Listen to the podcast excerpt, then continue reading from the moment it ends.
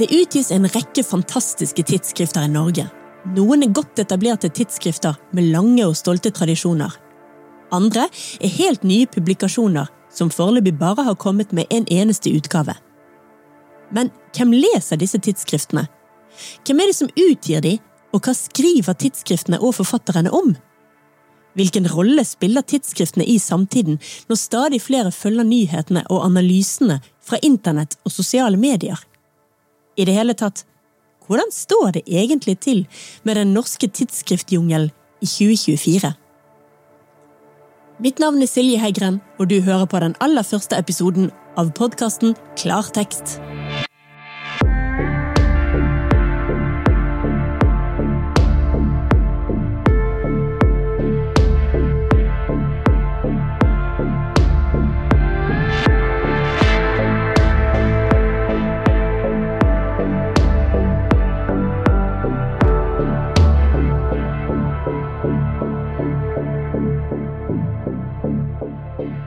Velkommen til Tekstallmenningen og podkasten Klartekst, Hilde Sandvik og Eirik Vassenden. Tusen takk. Og takk. Velkommen opp på den lave lille hemsen vår. Det var jo et lite, nydelig, eh, fint rom, da. Som Ja. kan komme til å romme mye, ser jeg for meg. Det håper vi virkelig. Dere er jo begge to aktører som har mye erfaring med og kjennskap til den norske tidsskriftjungelen. Hilde, du er journalist og redaktør. Du har annet vært redaktør for tidsskriftet Syn og Sein. Du har vært debattredaktør i Bergens Tidende. Og du var vel en av de aller første som satt i styret i Norsk Tidsskriftforening? Jeg er ikke bare satt i styret, jeg var med å danne Norsk Tidsskriftforening Ja. sammen med Knut Olav Åmås i Samtiden eh, og Eva Mølster. Eh, Så vi var et lite trekløver som, som danna foreningen og hadde det første årsmøtet og, og fordelte styreverv, der selvfølgelig Åmås ble leder, og jeg ble da passende nok nestleder, og Eva Mølster var styremedlem. Og eh, Eirik Vassenden, du er professor i nordisk litteratur, og har i din eh, forskning du har interessert deg særlig for kritikk, tidsskrifter og eh, skriftoffentlighet. Mm, det stemmer. Og, det er både fordi at jeg er interessert i dette som, det som kalles offentligheten. Det rommet der vi diskuterer og debatterer. Men, men også fordi at jeg selv har eh, oppholdt meg der eh, på forskjellige måter. Som kritiker, som skribent og som redaktør for flere tidsskrifter. Ja, du har annet vært eh, redaktør for Vagant og Edda. Ja, altså Vagant det unglitterære tidsskriftet Vagant, eh, som det var, overtok vi en gjeng i Bergen her på ja, rundt årtusenskiftet. Og flyttet hele Vagant-arkivet i en hvit kassebil, kjørte det over fjellet og installerte oss i et kontor i Nygårdsgaten. Sammen med oss, faktisk. Ja. Og også i den eh, i, I den for, forbindelse der så var det meg og Marit Eikemo som var redaktører sammen i, med, i Syn og Segn.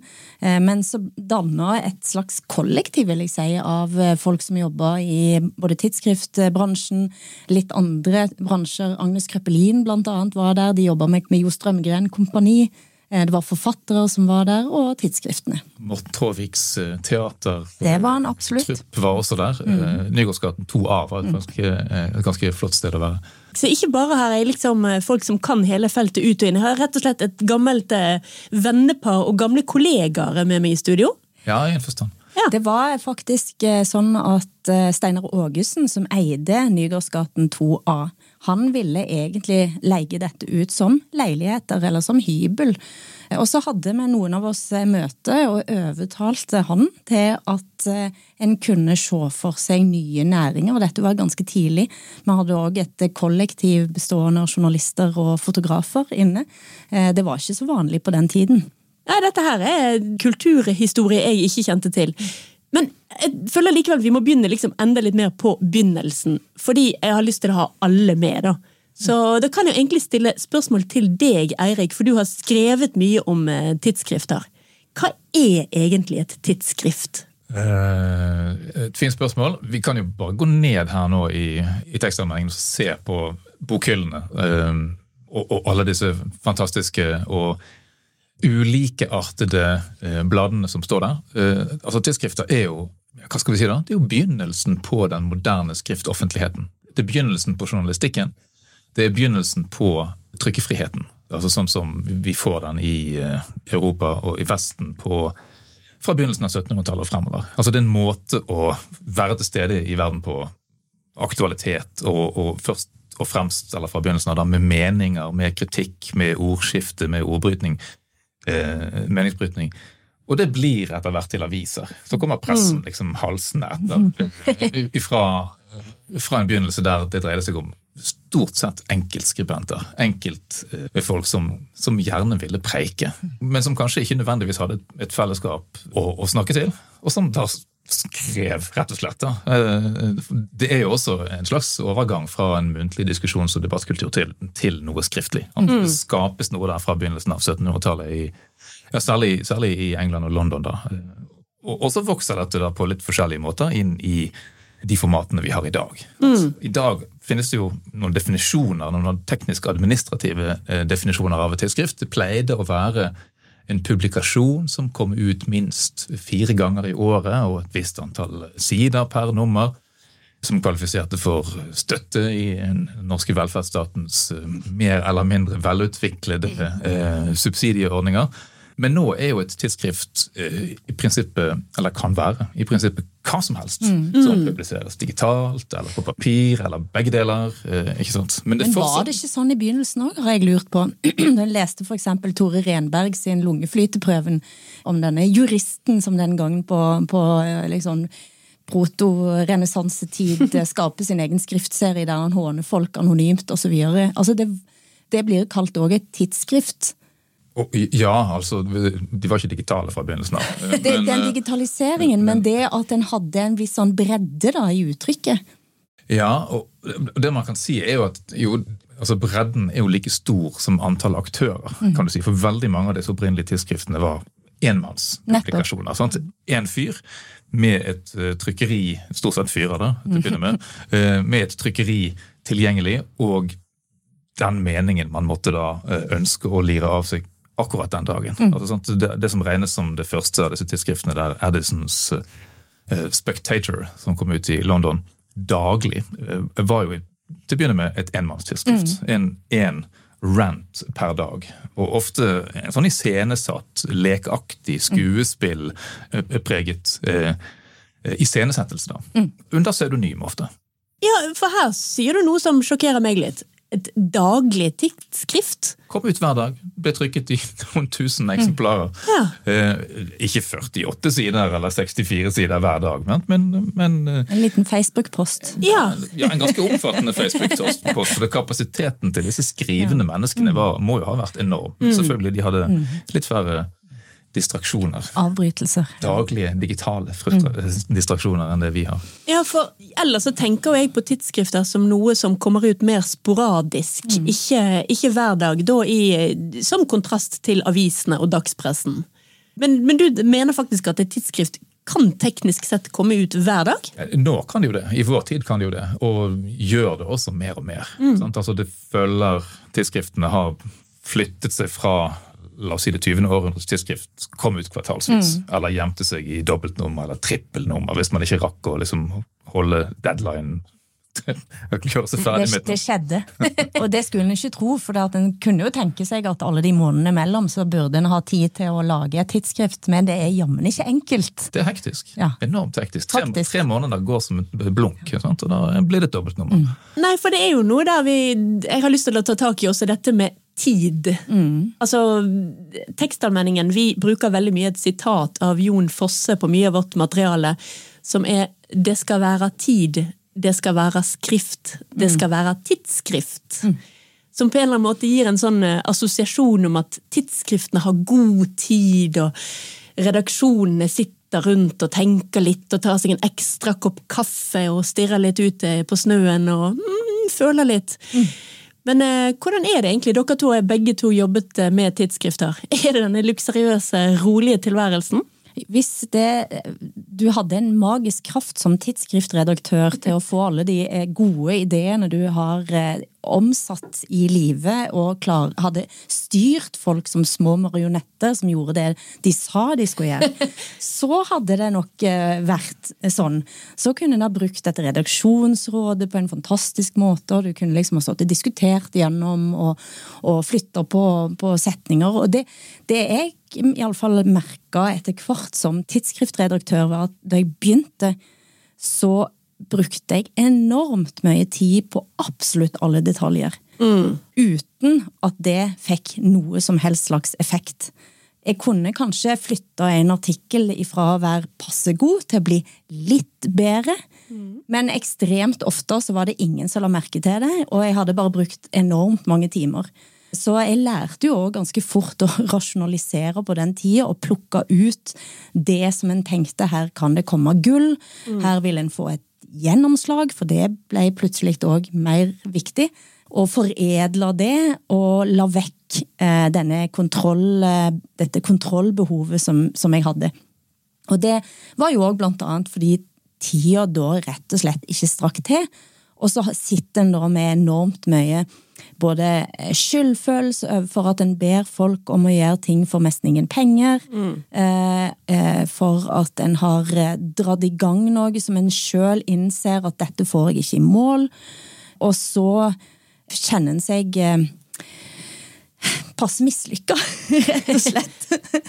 Etter hvert. En er, en er litt skjør som tidsskriftredaktør, men så plutselig så skjer det noe i mm. teksten. Eh, og jeg kan huske de, de gangene jeg satt og jubla eh, da jeg leste nye tekster. Som ikke bare oppfylte det jeg hadde håpet på, men som kom med noe helt annet. Ja. Og noe enda mer. Eller de gangene det dumpa ned ting som en ikke hadde bedt om engang. Ja. Ja, for det er jo også noe som ofte, i hvert fall mitt inntrykk, da, ofte skjer i tidsskriftene. At man ber om eh, Man ber sjøl liksom godt etablerte forfattere skrive en tekst for enten ingenting eller en slikk og ingenting. Men jammen om ikke folk leverer. Ja, både òg, tror jeg vi vil si. Altså, det, er jo, det, er jo, noe av dette som er det interessante med tidsskriftlivet. Altså, det er veldig lite kaster ikke av seg stort økonomisk. Man har ganske magert uh, og begrenset spillerom. Altså Man kan ikke hyre inn uh, store folk, uh, kanoner, og betale dem godt. Man må på en måte stole på folks og skribenters, og også redaksjonens, da, velvilje og interesse. Altså, det, er, det, er, det, er, det som driver det. Altså, at man vil noen ting, og at man har lyst til å dele. først og fremst det. Men det er også det er også i ganske stor grad, selv om man som redaktør liksom forsøker å, å, ha kontroll, forsøker å ha regi, forsøker mm. å gi instrukser, følge opp, kommentere, så er det jo også tilfeldigheter. Mm. I ganske stor grad tilfeldigheter som gjør at plutselig så kommer det en helt strålende tekst. Har man vært, enten så har den bare dukket opp av seg selv, eller så har man vært uklar i invitasjonen og så kommer det et svar på, eller det kommer svar på spørsmål man, man aldri har stilt. Mm. Eh, og så viser det seg å være eh, eksakt det man skulle. Men, men, det er altså noen sånne, og det gjelder det med tid, det er noen sånne innebygde paradokser i dette. Altså sånn Tidsskriften som kommer ut eh, relativt sjelden. altså Da jeg var redaktør, så kom de ut fire ganger i året. Det er mm. både vagant og akademiske tidsskrifter, som jeg også har vært redaktør for. Edda og norsk litterær årbok som kom én gang i året. Mm. Men også det var travelt. Én eh, gang i året. Det blir hektisk, det òg.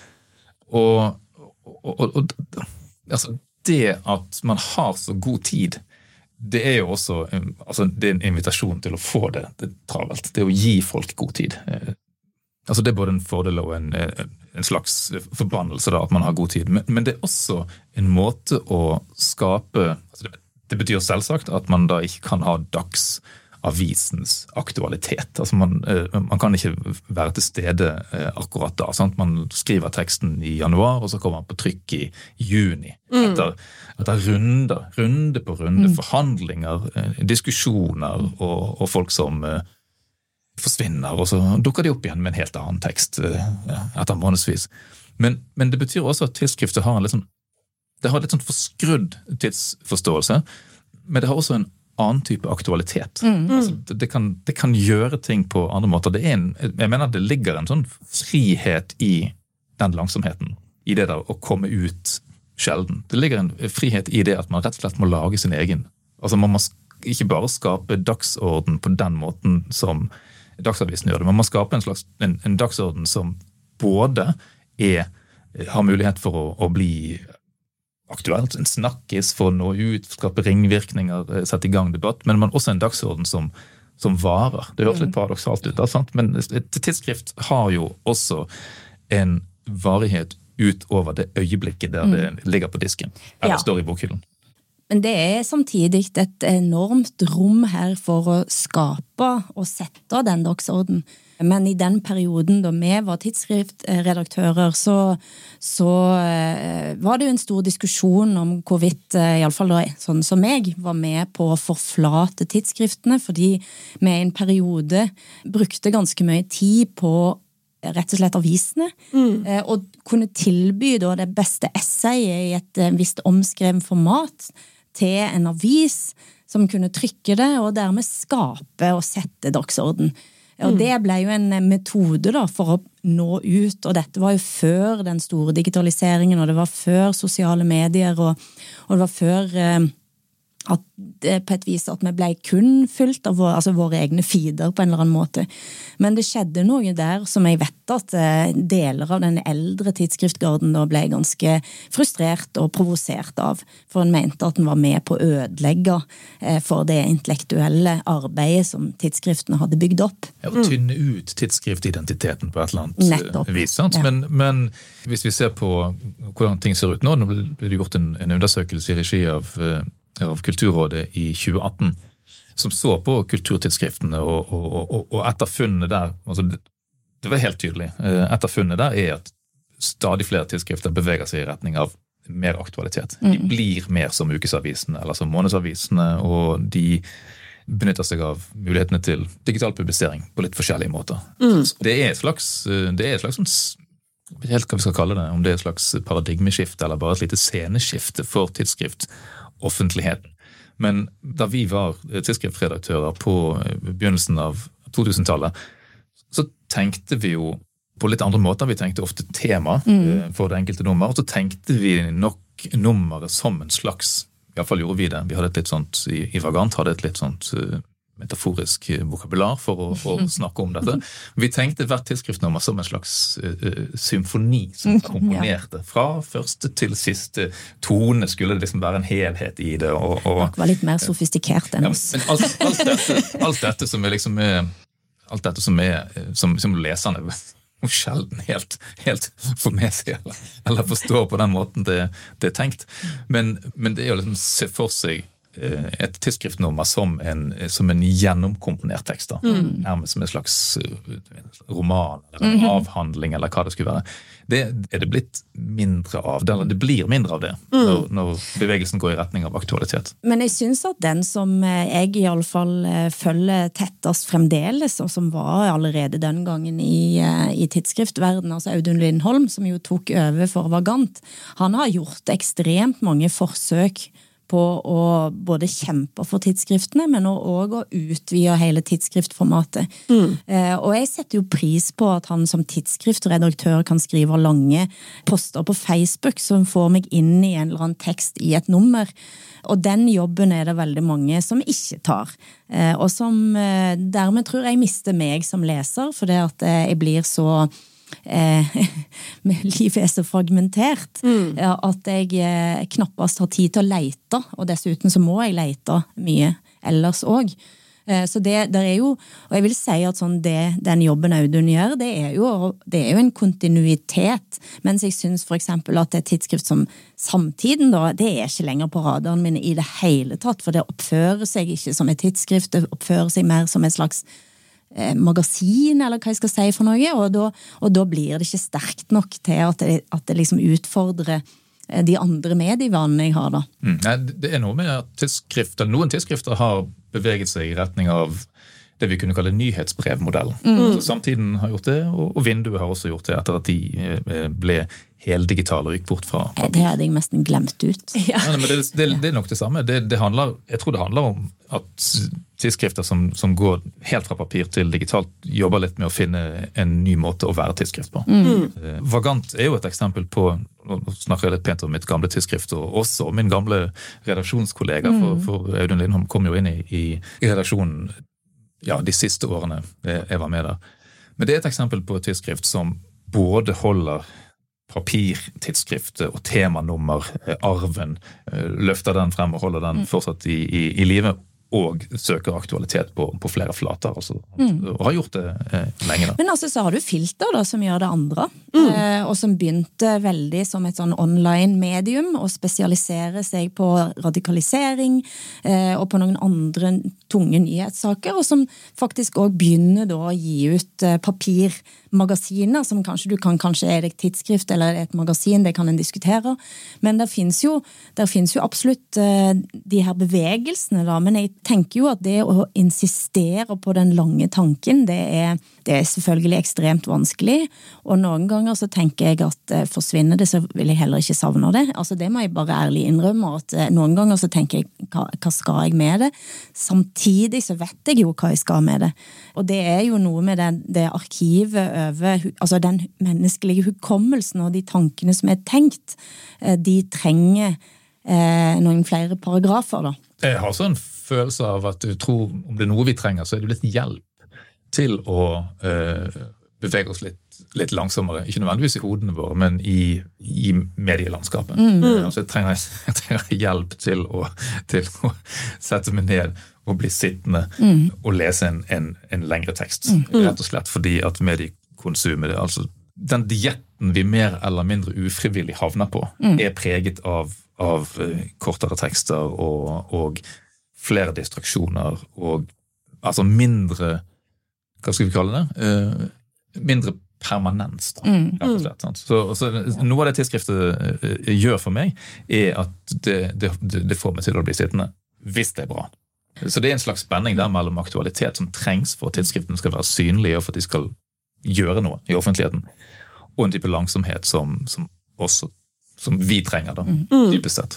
Ja, for jeg tenkte også på det at altså, Når man snakker om det offentlige ordskiftet og diskusjoner, så er det jo mye som foregår på ja, Facebook og sosiale medier.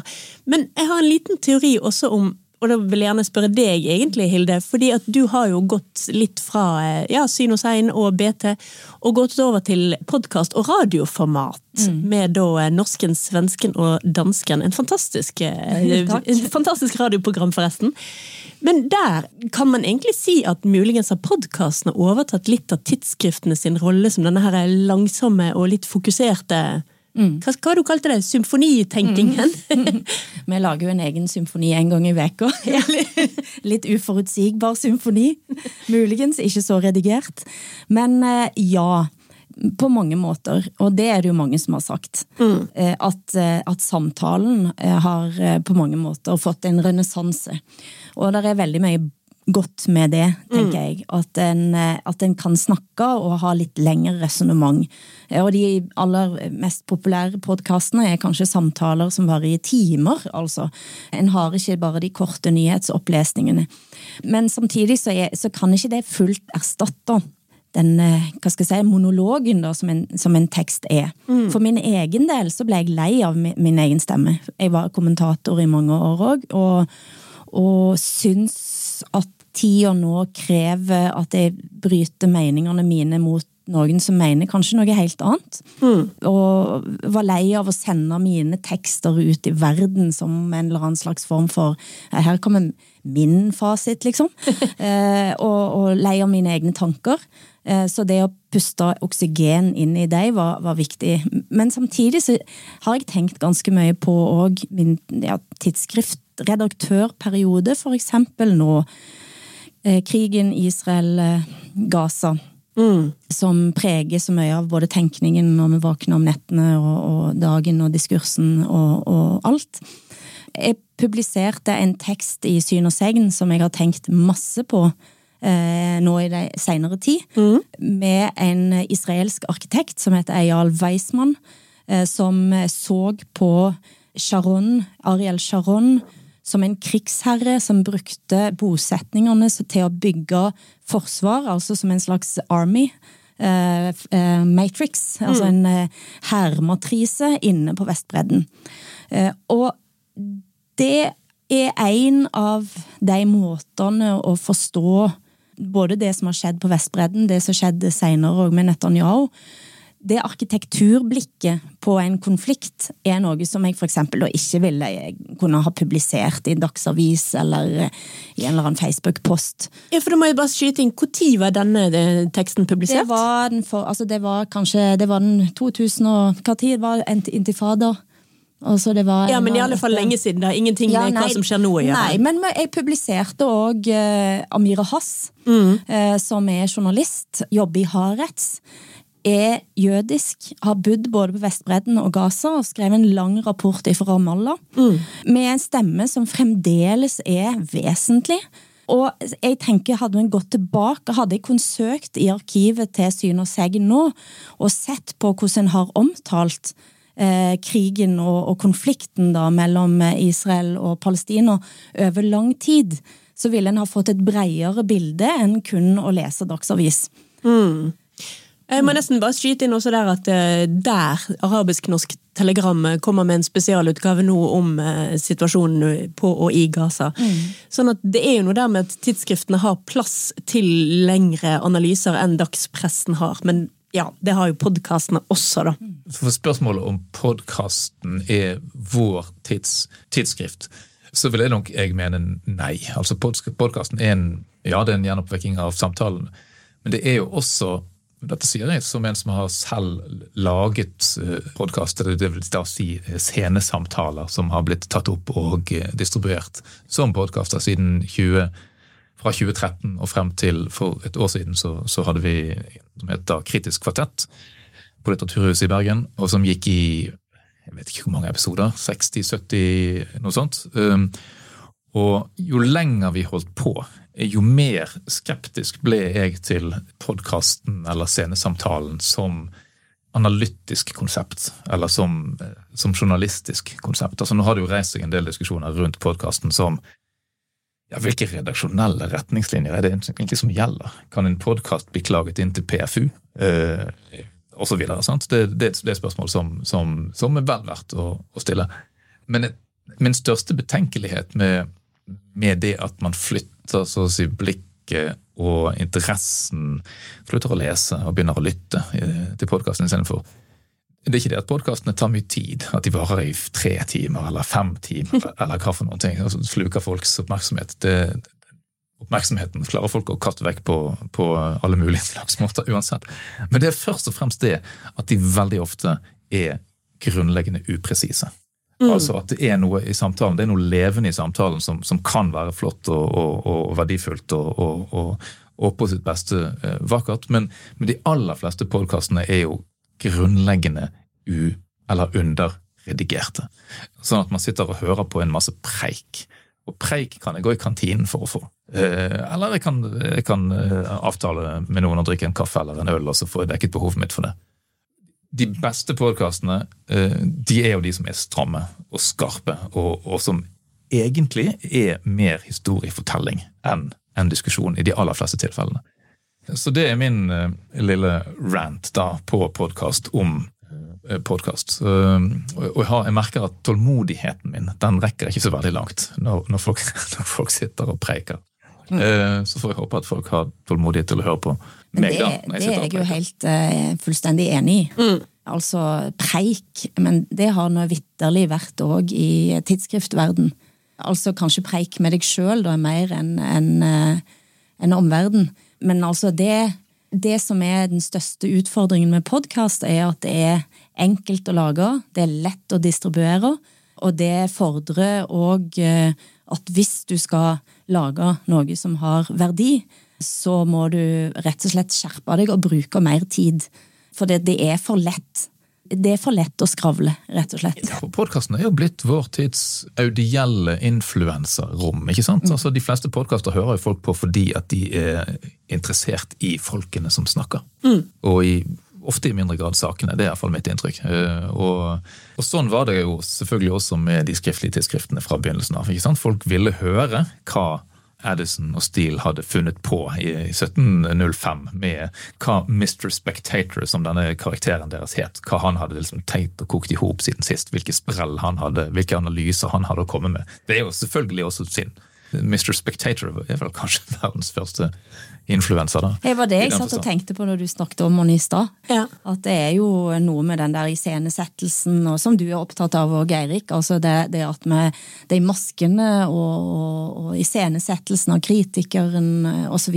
som du absolutt finner i tidsskriftverden.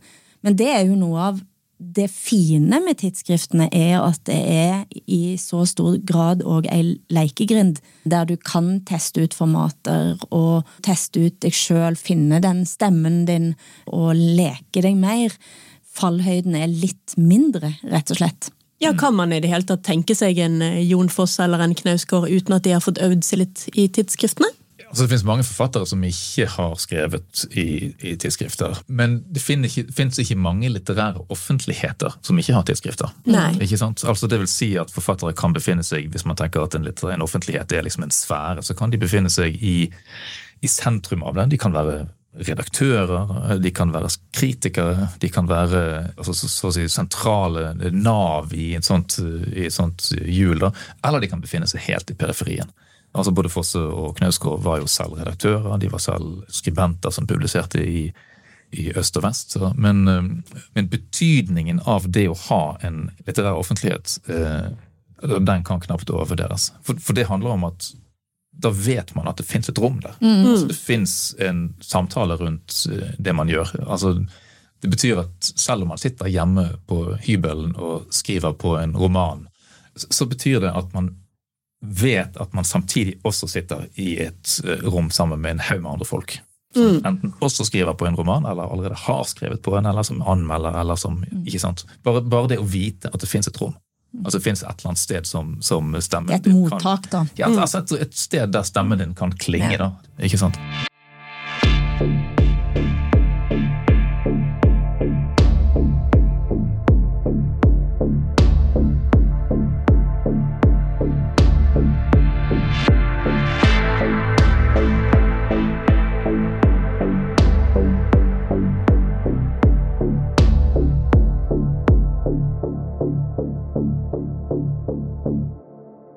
Eirik Vassenden og Hilde Sandvik, nå har vi snakket mye om egentlig det som blir allmennkulturelle tidsskrifter. Da. Vi har snakket om Syn og Sein, og om Vinduet, Vagant.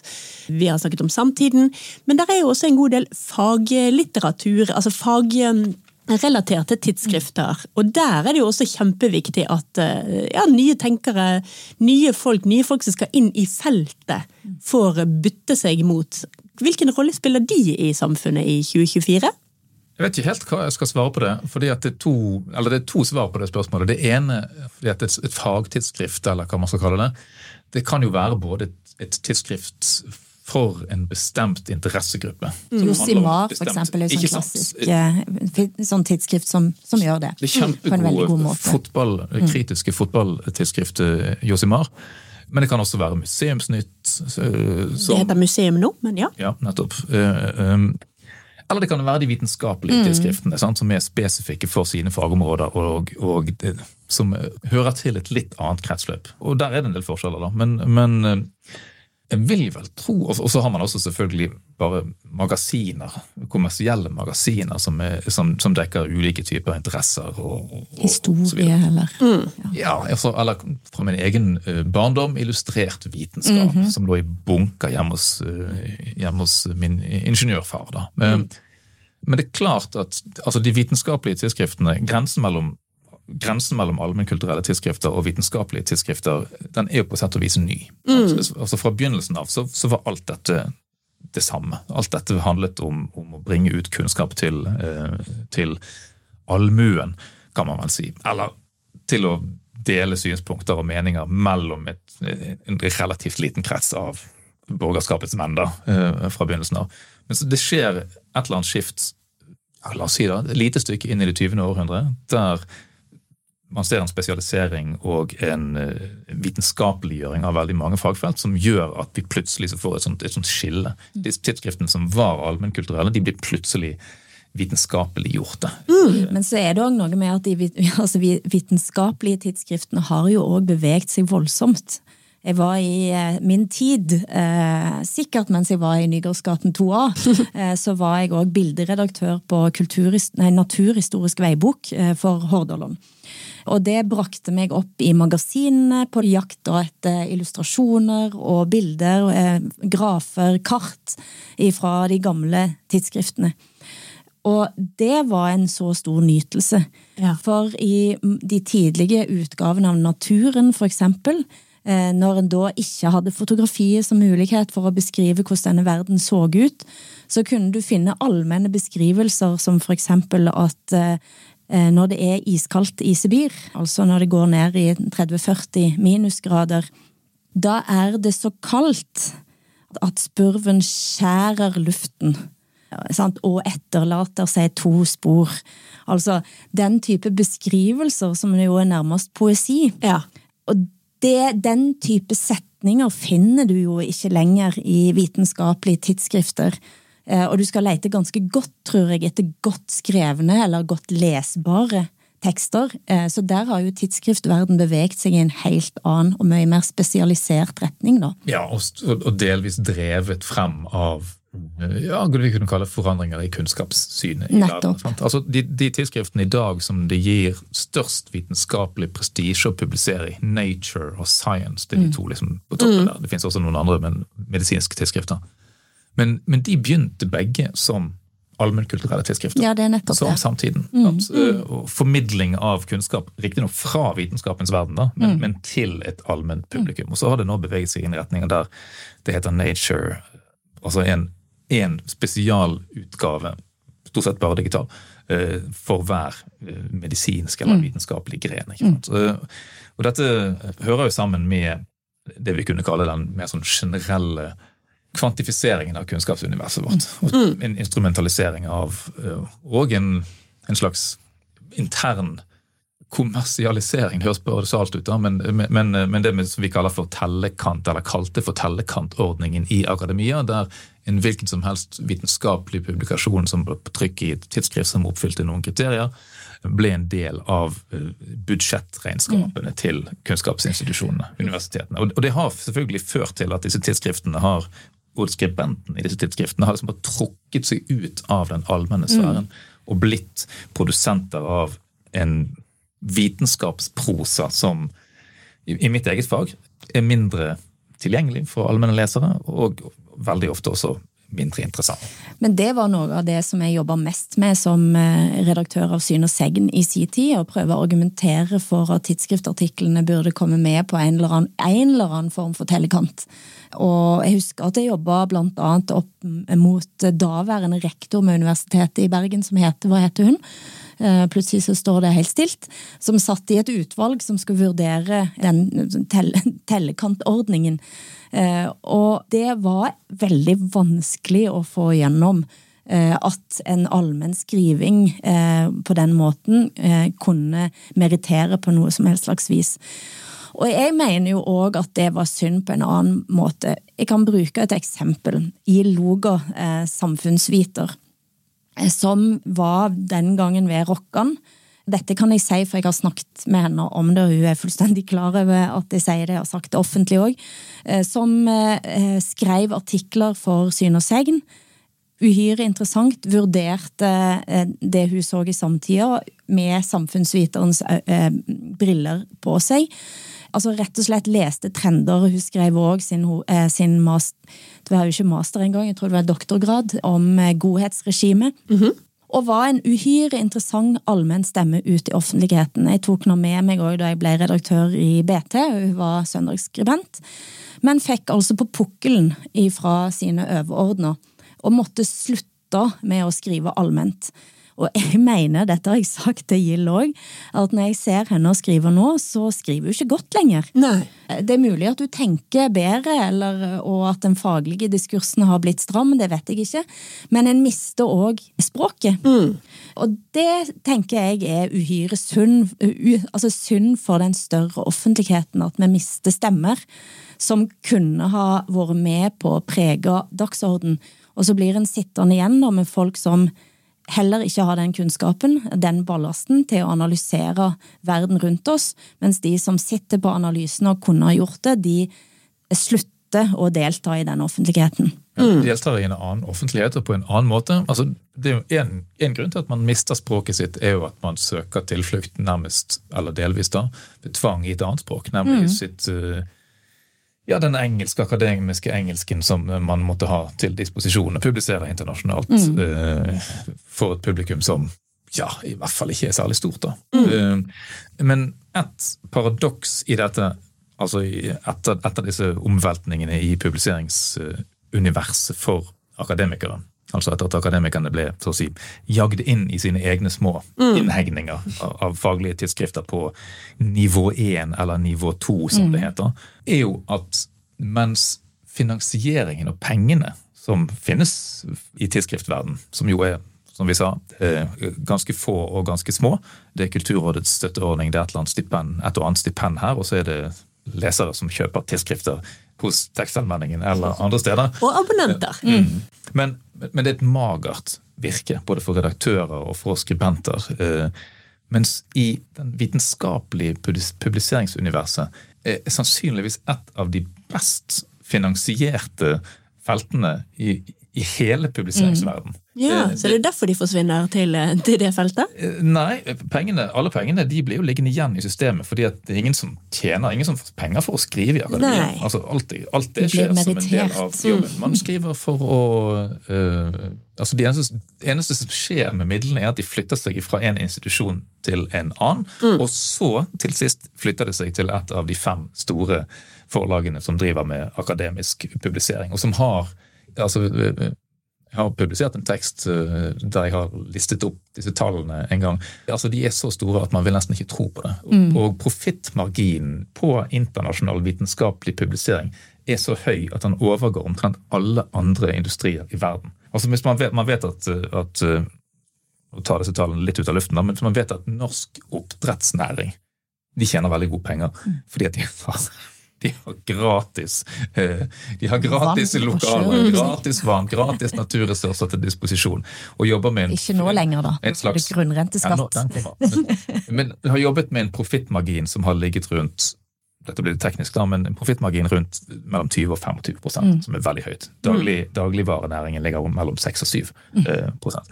Tidsskriftuniverset for vitenskapelig publisering ligger mellom 40 og 50 prosent. Altså For hver krone man bruker, så tjener man nesten to. Ja. Det er et helt, eh, det er et helt, eh, helt absurd lukrativt mm. opplegg. Ja, nå må, jeg bare gjøre det, nei, nå må jeg bare gjøre det helt tydelig at nå snakker du om veldig sånn smal akademiske lite. publikasjoner. Nå, nå er vi ikke på publikasjoner hos Det er ikke de som Altså. kom fire ganger i året og står i hylla her nede. Men, men det er publikasjoner der de som, som Hilde sa i sted, burde skrevet Mm. i den bredere offentligheten, nå i større eller mindre grad, enten ved tvang eller ved så å si selv, selvpålagt Mm. eh, styring da, av eh, hva man bruker arbeidstiden sin til, publiserer i disse smalere tidsskriftene Mm. snarere enn i den brede offentligheten. Og det er et enormt tap. Mm. Eh, egentlig begge veier. Og særlig fordi at vi lever da i en verden der vitenskap begynner å få et dårlig navn. Og, og troa på både demokrati og viten svekkes. Ja. Og det er da en eh, ganske farlig utvikling når vitenskapen nå prøver å lukke seg inne, eller lukke seg inne. Fordi det kommer ikke til å ende bra, tenker jeg. Eh, Når en ser på på et vis altså nå, det- Jeg tror det siste jeg så eh, var en dansk minister som gikk ut mot en professor og delegitimerte forskningen. Og der eh, statsministeren nekter å gå ut og si noen ting om det. Altså Det har vi jo veldig mange eksempler på i øyeblikket. Ja. Og òg i den forstand så burde vi hatt en offentlighet der flere var på banen og var med i den samtalen om de viktige spørsmålene i vår tid. Mm. Ja, og det skyldes kanskje delvis også at det finnes et, et, eh, et skille som etter mitt syn er Altså Det er for skarpt tegnet. da, eh, Skillet mellom det man kaller vitenskapelig publisering og det man kaller formidling. Mm. Ikke sant? Man ser for seg at vitenskap det er liksom et, et, et solid, ordentlig det, det, er en slags forvaltning av sannhet. Mm. Mens formidling det er liksom bare å fortelle om noe. Ja. Det er å ta med seg noen av, eh, noen av restene fra vitenskapsfesten og servere de, eh, og så si at sånn er det. Og Her er det selvfølgelig veldig mange ulike fagtradisjoner, og det finnes, det finnes, jo fag der skrivingen er en helt marginal del som skjer helt på slutten av en serie med laboratoriumseksperimenter. og mm. sånne ting. Mens mitt fag, der er det jo litteraturvitenskap, men der er det jo i praksis ikke noe særlig skille mellom vitenskapelig publisering og formidling. Mm. Nei, ja, nettopp. Så, så, så, det er klart at jeg ser dette fra, fra ett bestemt sted. Da. Men, men jeg mener likevel at, at eh, at den der tanken om at å skrive for offentligheten er noe radikalt annet enn å skrive for fagfellene. Mm. For, for, de som tilhører samme felt som uh, det selv. Det er noe annet i den forstand at den ene gruppen er stor, og den andre gruppen er liten.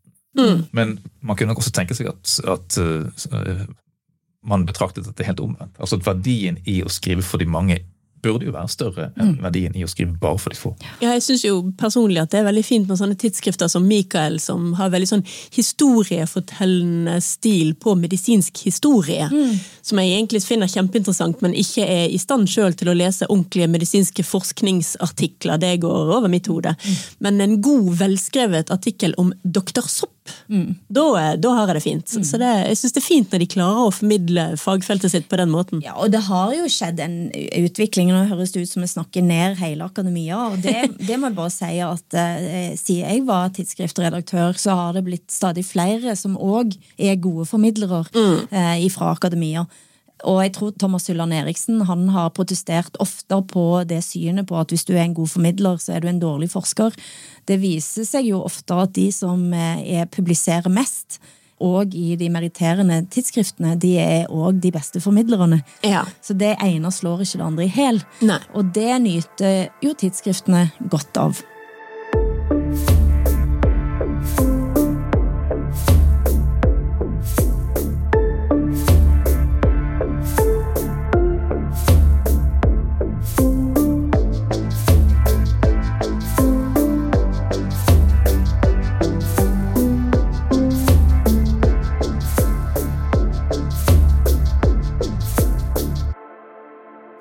enda et eh, felt når det gjelder tidsskrifter som jeg syns vi må få snakket om i dag. Og det er hvordan tidsskriftene tar opp kritikken. Både ja, litteraturkritikk, eh, kritikk av billedkunst, kritikk av podkaster har det jo kommet nå. Kritikk av den norske offentligheten. Jeg vet du, Eirik, har jo snakket mye og skrevet mye om eh, kritikerne sin rolle og tidsskriftene. Ja, det har jeg vært opptatt av en stund. Og, og tidsskrifter og kritikk er jo og har alltid vært tett forbundet. Ja. Altså, Når vi sier at tidsskriftene begynner som, eh, som eh, pratsomme skribenters eh, måte å vende seg mot verden på, så må man jo også legge til at dette er, dette er kritikere. Mm. Altså, Tidsskriftsamtalen begynner som en slags meningsutveksling om hva som er interessante ting å diskutere i verden, og veldig ofte interessante kulturprodukter. Mm. Skuespill, bøker, malerier, kunst osv. Så, videre. så man kan fort si at kritikeren er liksom den første Altså Kritikeren finner opp tidsskriftene, kritikeren finner opp journalistikken, kritikeren finner opp det offentlige ordskiftet. Kritikeren er liksom til stede hele veien i begynnelsen. Mm. Og så kan man jo også nå si at kritikeren er muligens i ferd med å vende tilbake til tidsskriftene, etter å ha vært øh, og bodd primært, ikke bare selvfølgelig, men, men har hatt en ganske viktig eh, sted å være i avisene, i mm. dagsavisene. Som den som rapporterer fra siste nytt på eh, kulturfronten. Mm. Men så har vi jo da, ja egentlig med, med, full kraft har vi sett dette vise seg med full kraft eh, i og med digitaliseringen og papirdøden som man snakker om fra ja, eh, rundt millenniumsskiftet da, eh, og fremover. Den eh, varslede papirdøden som strengt tatt enda fremdeles ikke har helt inntruffet? Jo, det er mange tidsskrifter, mange aviser som, som er døde. sant? Og, og da verdens eldste avis, denne svenske avisen som har hatt korona siden 1680, da den gikk inn, så, så, ble det liksom sett på som en slags I 2004, tror jeg nå, ble det sett på som en slags et slags illevarslende tegn. Men i og med at avisene har så å si opplevd store finansielle problemer, at kulturdekningen har eh, skrumpet inn, så har kritikerne også eh, i større og større grad blitt skvist ut av avisspaltene. Da. Så mm. Det finnes jo noen tall på dette nå som, som Norsk Kritikerlag fikk eh, mobilisert. Og, og, det de eh, har vist her, er at eh, i løpet av en periode på 10-15 år, så har, siden, ja, siden 2008, da, så har kritikkstoffet i norske dagsaviser og ukesaviser blitt halvert. Ja. Det gjelder for så vidt også kulturjournalistikken i sin alminnelighet. Den har også blitt redusert mm. dramatisk.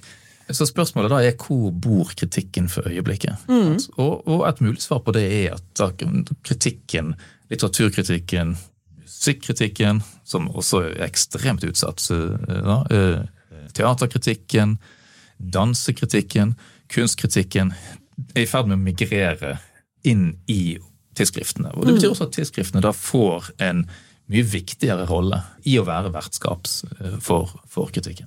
Ja, for Kan man i det hele tatt tenke seg en norsk kulturoffentlighet uten kritikk? da, Uten en, altså en levende og aktiv kritikerrolle? Nå begynner det å bli noen år siden jeg var eh, kulturredaktør, og jeg satt jo opp i disse spørsmålene absolutt hele veien. Mm. Og jeg prøvde faktisk eh, å koble tidsskrifterfaringen med kulturredaktørrollen. Eh, mer og mindre vellykka. Men, eh, men, blant annet eh, så, altså, vi, vi, la om kritikken og lagde et eget bilag som både skulle være papir, men som òg var tanken å bygge digitalt, som heter Lest, sett, hørt.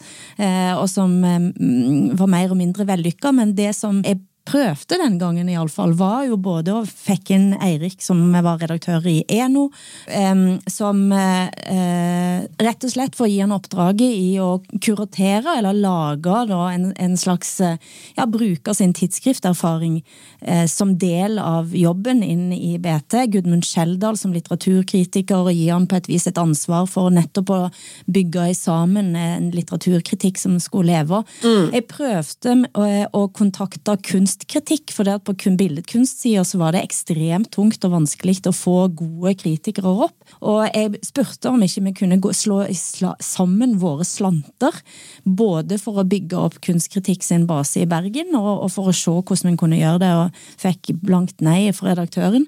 Men altså, det var jo nettopp for å se hvordan kan vi få to pluss to til å bli mer enn fire, mm. ut av en verden der kritikken er forferdelig vanskelig å få til å leve i et medieunivers som blir digitalt. Og så kan vi protestere på det og si at det er feil og det burde ikke være sånn, og vi kan hoppe bukk over de argumentene om at de trenger lesere osv. Men eh, jeg syns iallfall det var det var en ganske tung og krevende rolle, og en møtte jo ikke akkurat noe særlig stor eh, hva skal jeg si da, dra, drahjelp fra kulturverden, fordi at en føler at en blir mer og mer skvist øh, og ikke sett. Og de nettene jeg lå søvnløs for å prøve i hodet å lage et kart som matcher opp, eh, ble ikke tatt imot med veldig stor eh, begeistring, kan jeg si. Men man kan jo spørre da, hvis det er sant at at, at kritikken forsvinner fra dagsavisene, den søker jo tilflukt i eller har funnet et bedre sted å bo eh, mm. da, i, i, ukesavisene. Fordi de stedene som De mediene mm. som går godt, som, som, får det til, det er jo, og som har opplagsøkninger, det er jo ukesavisene. Mm. Men de er likevel veldig små opplag i forhold til de som da, der de beveger seg ifra. Altså, men de går opp, og det er jo en det er jo en stor glede å se. Det er veldig bra. Ja. Men altså, så kan man jo spørre, ja, men er det, er det da et, et problem? Alt altså at rommet for kritikken blir mindre. For den blir mindre hvis, hvis dagsavisene med opplag på ja, 100 000 eller 200 000 som de pleide å ha de i glansdagene sine, og, og bred distribusjon på digitale flater, da, mange lesere, veldig mange lesere Hvis, de ikke, hvis det ikke finnes noen kritikk der, er det da tap? Ja, det må man kunne si at det er et tap fordi det betyr at kritikken blir usynlig. Mm. Og, og, at den uavhengige, den uavhengige bruke det ordet da, smaksdommeren ikke lenger er der. Ikke lenger er på den store arenaen. De som da er på den store arenaen, er de som har økonomiske interesser i det. Altså de som betaler for plass på den arenaen. Annonsørene. De som har mest penger for oppmerksomhet rundt sine kulturprodukter. Det betyr at man ikke egentlig kan, Hvis ikke kritikeren er der, så, så er det jo også vanskelig å vite om man har stemmer man kan stole på i det som handler om å rapportere rett og slett fra kulturlivet. Hva er interessant, hva er ikke interessant. Selv om jeg tror jo at eh, mer og mer så er det gått over i anbefaling Altså det å anbefales noe fra noen du stoler på, det kan være en venn, det har jo i veldig stor grad tatt over kritikerens rolle òg. Absolutt, og i mange felt, og særlig kanskje på musikkens og populærkulturens mm. eh, felt. Da. Eh, men det som da mangler, i hvert fall etter mitt syn, da, eh, som kritikkforsker og kritiker. Det som mangler, er jo en, en, samtale rundt disse fenomenene som ikke bare handler om hvorvidt noe er godt eller ikke godt. Mm. En, en, samtale som går lenger enn å ha potensial for å si noe mer. da. Ja, da enn altså, bare skal jeg se det eller skal jeg ikke se det? Hvilken tallverdi vil du feste til akkurat eh, denne filmen eller denne romanen? En god kritikk går jo veldig mye lenger enn å trille en terning. Den setter jo dette her kunstneriske uttrykket i en større sammenheng, og dermed driver også samfunnsdebatten videre. Og Ideelt sett gjør han det, og ja. ideelt sett så fungerer den også som en invitasjon til enten en offentlig samtale eller en privat samtale. eller noen sånne ting. Dette, dette snakker vi om idealer, ja. kritikkens idealer. da. Men jeg må jo innrømme at det er også stadig flere kritikere jeg ikke leser. Mm. Eh, fordi at en eh, enten tenker at her er det altså en, ja, det er noe som er bestemt på forhånd, eller et, et litteratursyn en ikke er interessert i, eller eh, altså det er veldig få kritikere jeg faktisk leser. Ja, Det er dessverre et, en utfordring. Jeg har skrevet en bok på, på, et par hundre sider om kritikk og kritikkens utfordring for øyeblikket. Og, og den litt forutsigbare og, og dessverre litt enkle konklusjonen der da, som jeg lander på, er jo at hvis kritikken skal ha noen som helst sjanse til å overleve utenfor ganske små og, og, og, og marginale publikasjoner, så kan den ikke under noen omstendigheter være kjedelig å mm. lese. Mm. Altså kritikken, Hvis kritikk blir kjedelig, så dør den. Mm. Ja. Da er det ingen som bryr seg. Nei, det er noe veldig sant. Men uh, da må jeg jo også spørre sånn helt på slutten her, og det er et spørsmål til dere begge to, altså. Og det er et litt ladet spørsmål. Jeg har vel egentlig tenkt ut hva dere skal svare her, altså. Så vi får se om vi får det til. Men eh, er det mulig å tenke seg et opplyst og sunt demokratisk samfunn uten tidsskriftene våre? Det er jo det. altså, det er umulig å se det for seg. Men at det vil være et stort tap, ja. det er jeg ikke i tvil om. Det er et vanskelig spørsmål, for det krever at man vet hva et tidsskrift er for noe. Ja, det gjør det. Et tidsskrift må ikke i dag være noe som ligner på Spectator fra 1702, eller eh, det Ateneum fra rundt 1800, eller Vagant fra, fra 2003. Et tidsskrift kan jo være mange ting. Mm. ikke sant? Men jeg tror det må ha med seg denne ideen om at det er noen som vil noe, mm. som vil vise fram noe, som vil kommentere noe, kritisere noe, diskutere noe. Ut fra ikke bare sitt gode hjerte, men også ut fra sin liksom, kritiske blikk på verden. Mm. Hvis, hvis, det faller vekk, så tror jeg det er noe fundamentalt som, som vil mangle. Mm. Og på den, en eller annen måte så driver jo da tidsskriftene ja, litt samfunnet videre. Sånn, sånn litt. Absolutt. Vi sier det sånn. Men da må jeg bare si tusen takk til eh, dere begge to, Hilde Sandvik og Eirik Vassenden, for at dere kom til den aller første episoden av Klartekst, podkasten fra Tekstallmenningen. Det var en ære. Og en glede.